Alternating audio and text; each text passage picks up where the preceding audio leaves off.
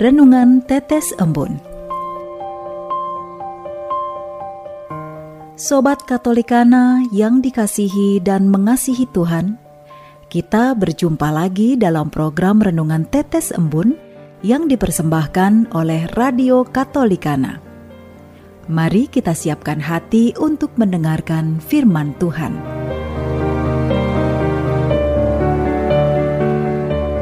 Renungan Tetes Embun hari Jumat 6 Mei 2022 menanggapi undangannya dalam kesesakan. Renungan Injil hari ini diambil dari Injil Yohanes bab 6 ayat 53 hingga 54. Maka kata Yesus kepada mereka, Aku berkata kepadamu, sesungguhnya jikalau kamu tidak makan daging anak manusia dan minum darahnya, kamu tidak memiliki hidup dalam dirimu. Barang siapa makan dagingku dan minum darahku, ia mempunyai hidup yang kekal, dan aku akan membangkitkan dia pada akhir zaman. Ketika belajar di seminari, saya memiliki seorang sahabat dekat. Ketika saya membutuhkan bantuan, maka ia selalu membantu, dan begitu pula sebaliknya. Dia sering menceritakan keadaan keluarganya. Ibunya sudah tiada sejak dia kecil Kedua adiknya pun masih kecil. Keadaan ekonomi keluarganya membelit.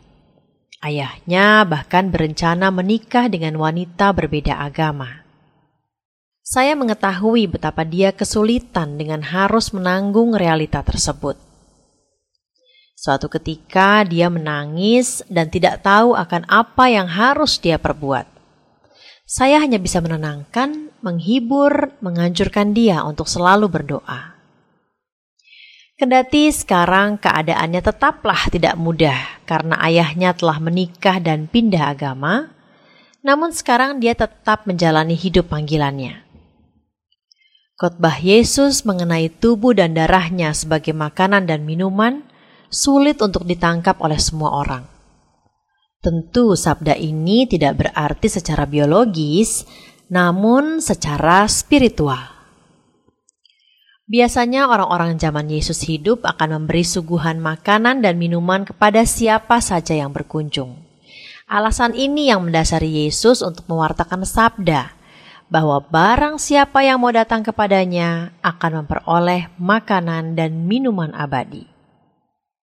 Kondisi kehidupan kita masih dihantui oleh virus COVID-19. Terkadang realita ini membuat kita merasa kering dan hidup tidak bermakna.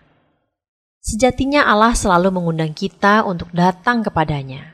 Maka sekarang menjadi tugas kita untuk menanggapi panggilannya. Usaha dan kepasrahan diri kita kepadanya membawa kita kepada kehidupan yang penuh makna. Sobat Katolikana, marilah kita lanjutkan dengan berdoa. Atas nama Bapa dan Putra dan Roh Kudus. Amin. Ya Yesus yang baik, maafkanlah kami yang kurang peka akan sapaanmu.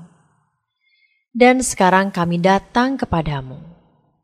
Kami mohon agar hidup kami semakin bermakna dan membahagiakan karena dirimu telah menjadi santapan kekal dalam hidup kami. Amin. Atas nama Bapa dan Putra dan Roh Kudus. Amin.